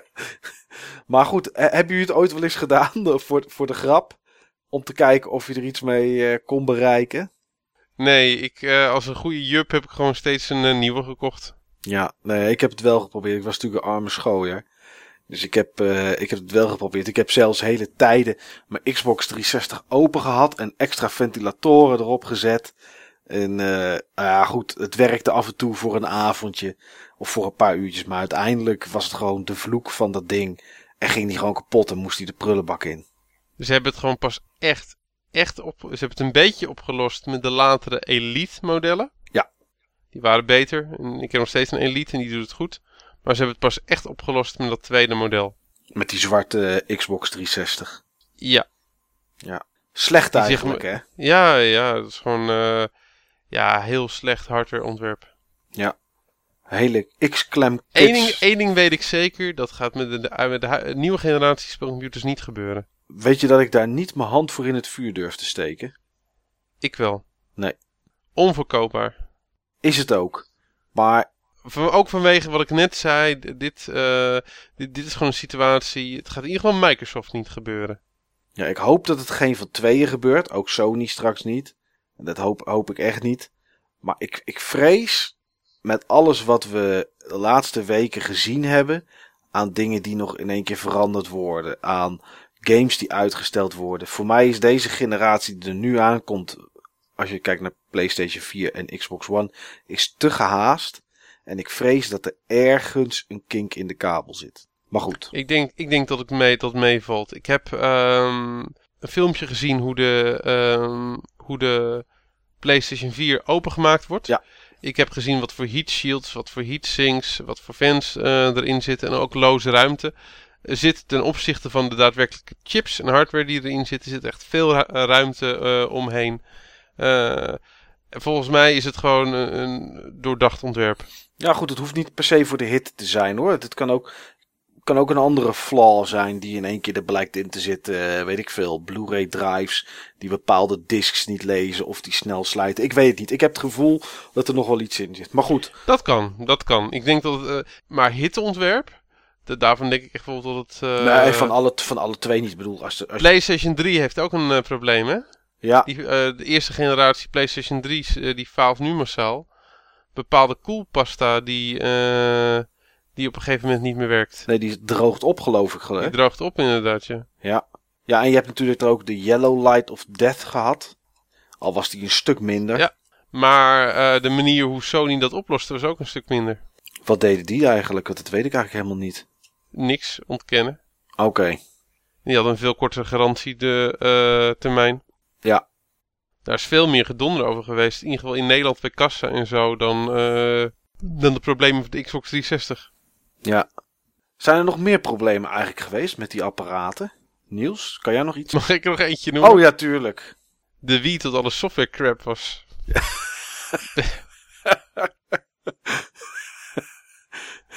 oh, en eh, nee, natuurlijk nog, eh, nog een heel ander probleem, joh. Alle tv's die gesneuveld zijn door de. Dat wilde ik daarna inderdaad zeggen. Maar is dat, is dat iets wat we de console aan kunnen rekenen of de domme gebruiker? Want anders dan heb ik er nog wel eentje. En dat, eh, dat was de eerste sessies PlayStation 3's. Waar mensen, terwijl er een game in zat, en bij de Xbox 360 ook, die ze aan het spelen waren, hem van verticaal naar horizontaal of andersom gingen leggen. Er werden disken werden daarmee gesloopt, hele drives gingen er door stuk. Ja. Ik heb, Ja. ik heb drives gezien waar disks versplinterd in lagen. Een eh, vriend van me heeft dat ook gedaan met zijn eh, 360. Ja, En het was echt een eh, filmisch moment. Want zeg maar een andere maat van me die, eh, die dat wist, die, eh, die was er ook bij. En die, die, die riep ook echt, Stan! Nee! maar het was, al te, het was al te laat. Dus eh, ja, het, het, eh, de anekdote heb ik echt heel vaak gehoord. En het klinkt echt wel heel erg legendarisch. Maar ehm, ja, dat, er zijn meer apparaten waarbij dat niet kan hoor. nee, nee, nee, nee, tuurlijk. Ik moet zeggen, eh, Microsoft heeft dat met de Xbox One goed opgelost. Ja, Die mag je gewoon niet verticaal zetten. nee. En terecht. Maar ja, ze hebben het sowieso goed opgelost, want die disk gaat erin. Hij installeert heel je game naar je harddisk en daarna heb je de disk niet meer nodig. Dus wat dat betreft eh, zit er sowieso minder probleem in met de draaiende disks. Ook met, eh, ook met een nieuwe opzet van de DRM. Zover ik weet is dat nog steeds een feit. Ja, dat de game nog steeds naar de harddisk installeert. Oké. Laten we, nou we het toch over vervelende dingetjes hebben, naar wat andere vervelende kanten van deze generatie kijken. Er zijn heel veel mooie kanten, daar komen we zo op. Maar er waren ook wel wat tragedies, zou ik het bijna willen noemen. Ik noem maar wat. Een heel aantal developers en publishers dat over de kop is gegaan in de strijd over de budgetten. Ja, Ja, het is, eh, we hebben het zelfs eh, bij Button Bashers nog over eh LucasArts gehad. THQ. Psychnosis, Ja, We hebben het gehad toen straks over Project Gotham Racing. Nou, Bizarre Creations bestaat niet meer.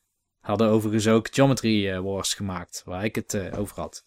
Hudson Soft, hele bekende uit het 16-bit tijdperk. Ah, Hudson. Daar moeten we nog een keer een aflevering over doen.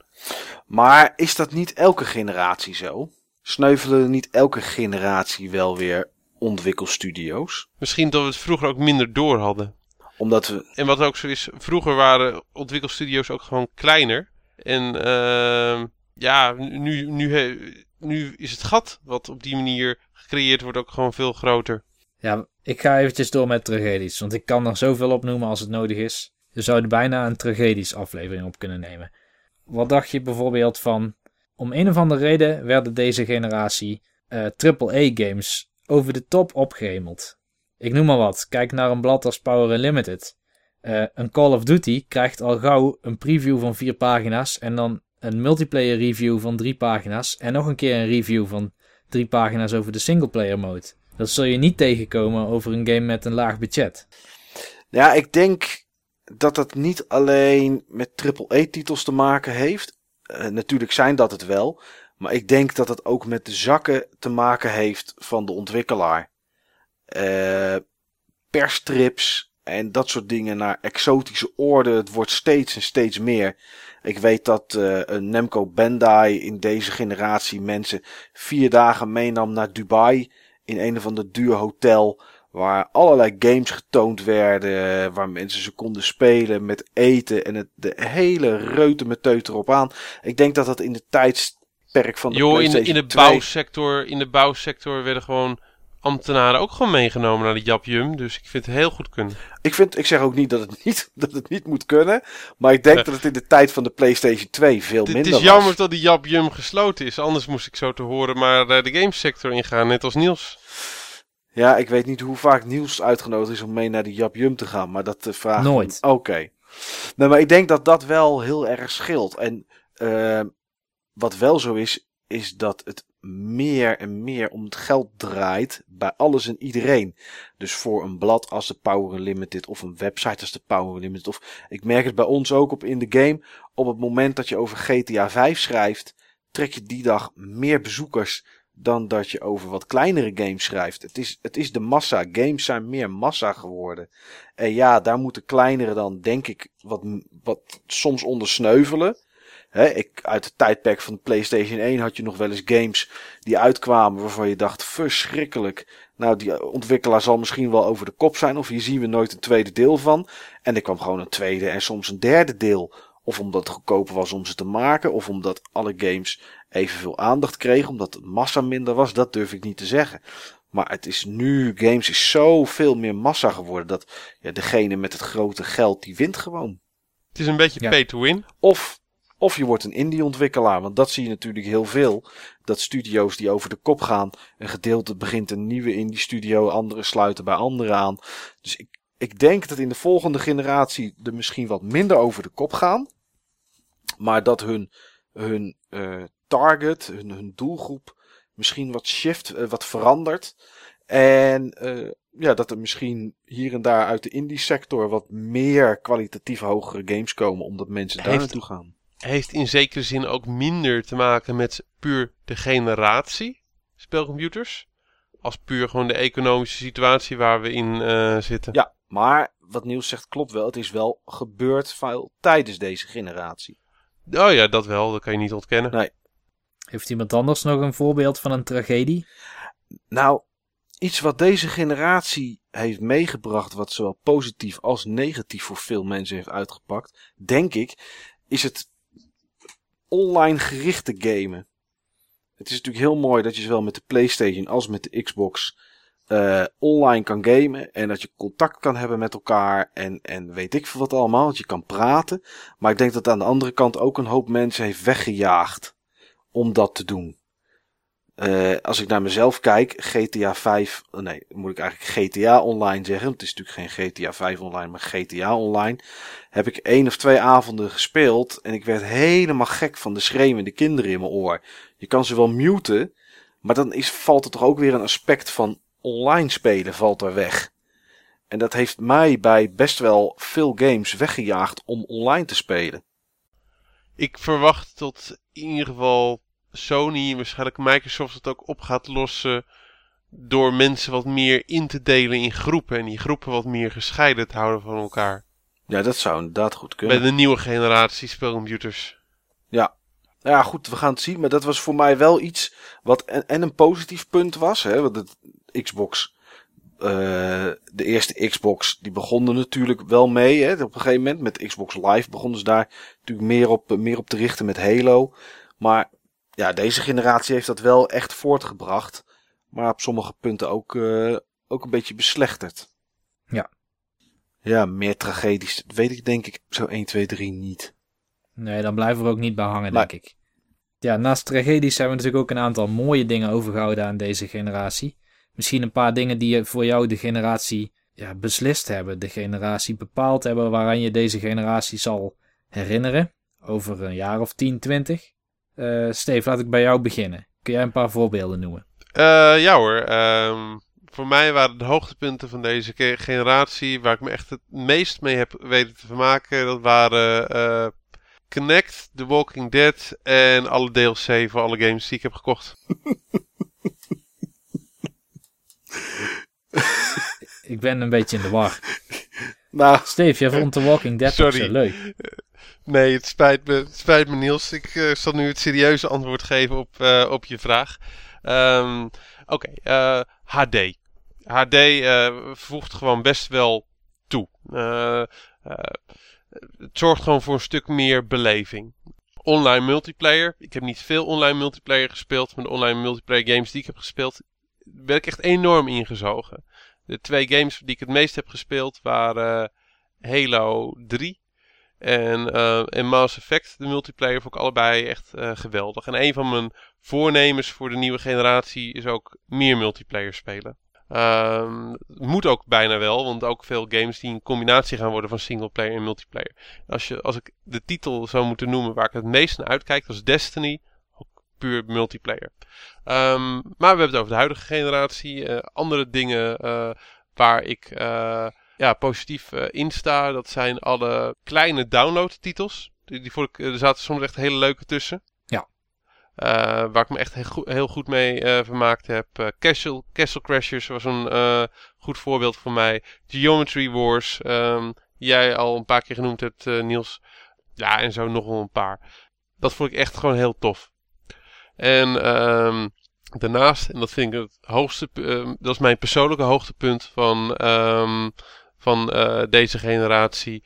En dat is ook iets wat ook naadloos wordt doorgetrokken in de nieuwe uh, generatie.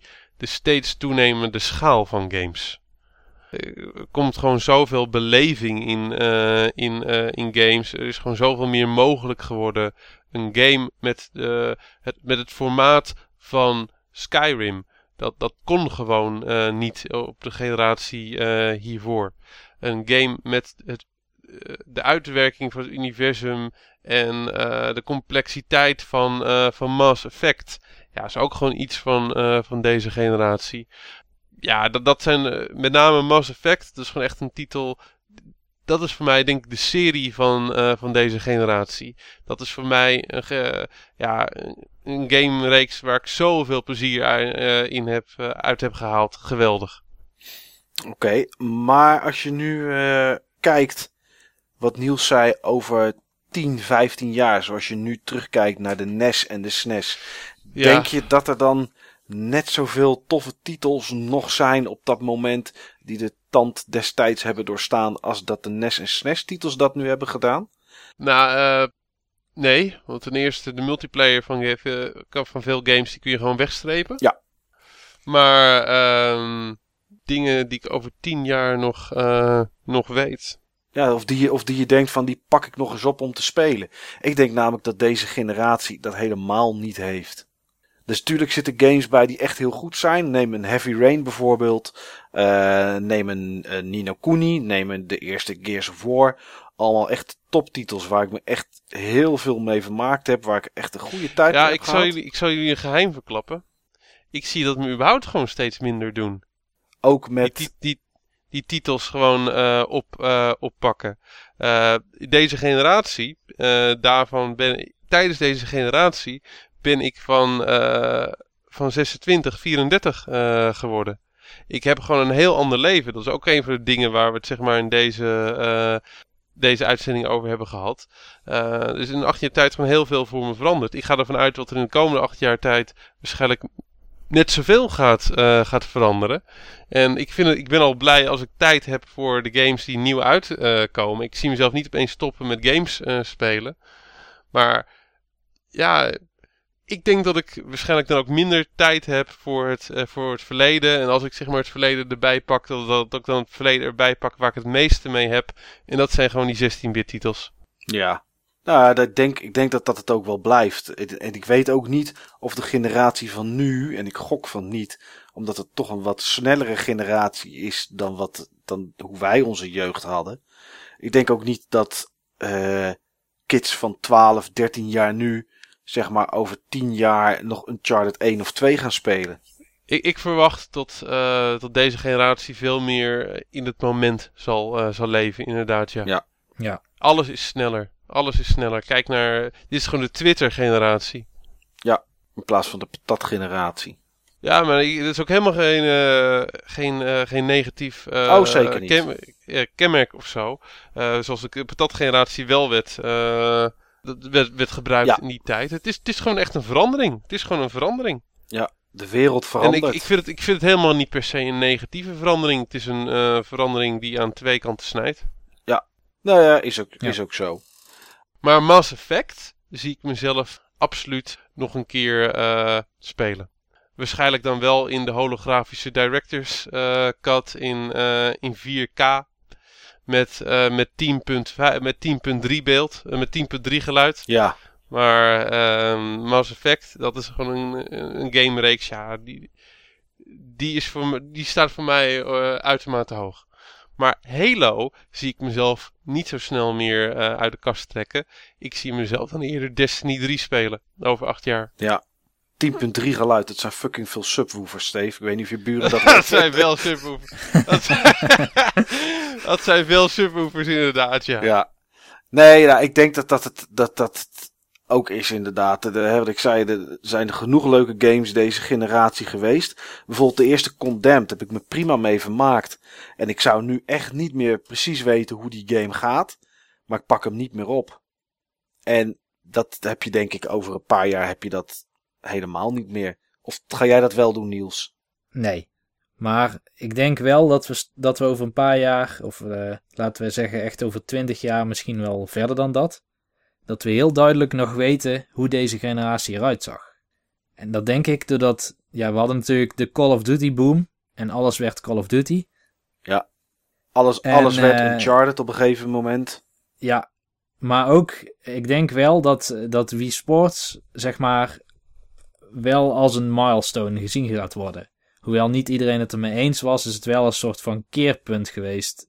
Tijdelijk in de industrie. Ja, tuurlijk wel, omdat dat de eerste keer was dat je echt zo ging bewegen bij een console. Maar een move, om maar even de, de, de minst favoriete van die drie te noemen. Al is die een stuk beter en preciezer dan bijvoorbeeld Kinect. Maar voor Kinect is gewoon meer zijn er gewoon meer titels geweest. En is er ook, ook meer geouwe hoer natuurlijk geweest. Met uh, dat er op een gegeven moment zelfs donkere mensen niet gezien werden door het apparaat en dat soort zaken. Uh, maar goed, de Wii gaat, de Wii en daarbij Wii Sport, want die kwam natuurlijk tegelijkertijd, gaan we onthouden vanwege de bewegingen. Zeggen we, oh ja, dat was de eerste keer dat het er was. En die generatie daarna ja. was er nog Kinect en een PlayStation, de PlayStation Camera of PlayStation Eye, zoals dat ding heet. Maar het gaat daarna allemaal wegzakken. Zal ik anders gaan afsluiten of uh, heeft iemand iets, nog iets wat om te melden? Wil jij iets specifiek uh, nog iets zeggen? Want je hebt overal Ja, ik wil nog één vraag stellen. Steve, Xbox 360, PS3 en de Wii. Wie is voor jou de winnaar van de afgelopen generatie? Xbox 360. Microsoft heeft ten opzichte van de Xbox zoveel beter uh, gedaan. Uh, ze hebben veel meer consoles uh, verkocht. Ze hebben een gigantische hoeveelheid games verkocht. ondanks het debakel met alle kapotte Xbox 360's hebben ze een heel geliefd platform neergezet. En ze hebben gewoon een shitload aan geld verdiend. vooral dankzij al die games en Xbox Live. Hele serieuze speler geworden op consolegebied. Oké. Niels, jij? Als we puur kijken naar wie heeft het beste gepresteerd op de markt, dan zeg ik wie. Maar als ik persoonlijk mag kiezen, en dat moet. dan geef ik Steve gelijk. Dan heeft Microsoft het meeste grond gewonnen. Het meeste betekent misschien wel in de afgelopen jaren op bepaalde gebieden. Voor bijvoorbeeld online multimedia integratie. En voor jou, uh, Mike? Ja, voor mij de PlayStation 3. Ik uh, begon uh, vrij. Het is eigenlijk een beetje het verhaal van wat je. dat het laatste blijft hangen. En als ik nu over twee weken, als de podcast uitkomt over een week, deze generatie afsluit met de aanschaf van de Xbox One, dan uh, kijk ik toch terug naar de PlayStation 3, omdat ik daar de laatste twee jaar eigenlijk de meest plezier aan heb gehad, aan de titels die ik daarop heb gespeeld. En uh, nou ja, in de toekomst waarschijnlijk ook nog wel wat op gaan spelen. Zoals een Dark Souls en dat soort. eh, Dark Souls 2 en dat soort titels. Maar Ja. ik denk dan toch echt de PlayStation 3 als ik kijk naar de laatste twee jaar. Wat voor exclusieve titels daar vooruit zijn gekomen. Die niet per se van Sony hoefden te zijn. Maar zo'n titel als Nino Kuni. Ja, dat maakt het jaar gewoon, eh, gewoon enorm goed. En dat zijn, de, dat zijn de titels waar ik het toch voor doe. Dus eh, nee, voor mij kies ik dan de PlayStation 3. Oké, ook een goede keuze. Dank u.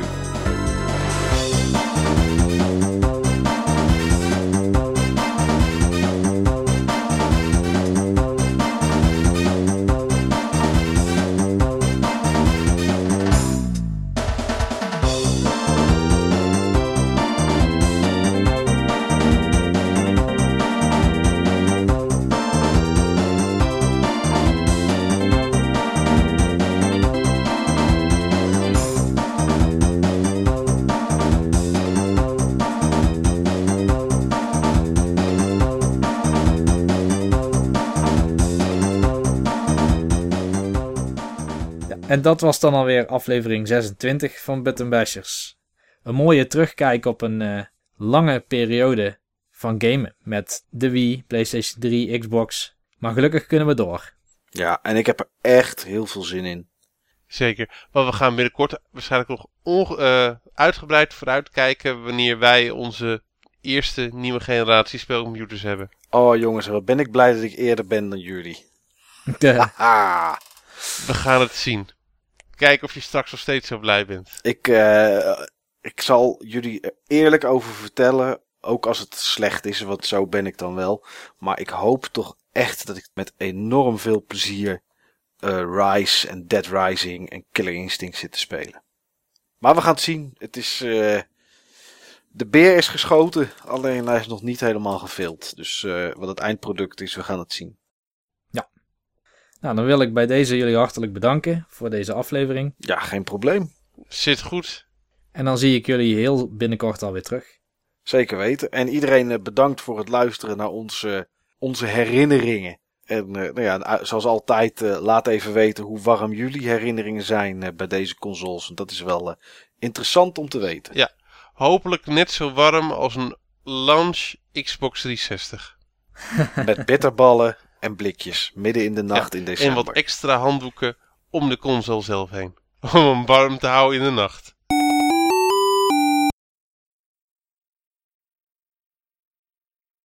Hij maakte nog een opmerking. En ik, ik denk, ik ga het niet doen. Ik ga het niet doen. Maar ik kon mijn lach niet inhouden. Nou, fijn hoor. Fijn. Ja. Ja, waar was ik nou gebleven, hè? Nou ja, dat je, dat je heel eind bent gekomen. Ja, laat, e- laat even jullie twee, ge- laat, laat even jullie tweeën. Ik zeg, Niels, laat Niels eventjes gewoon iets zinvols zeggen. Dan kan ik erop reageren, dan kan ik mijn verhaal weer verder doen. Ja, Laat mij iets zinvols zeggen. Oké. Zo, Steve. En niet met die toon. oh, Nee, Eh, nee, ik, oké. ik, ik, ik, eh, Nee, ik, stel ik wel, ik stel wel een Ja. serieuze vraag.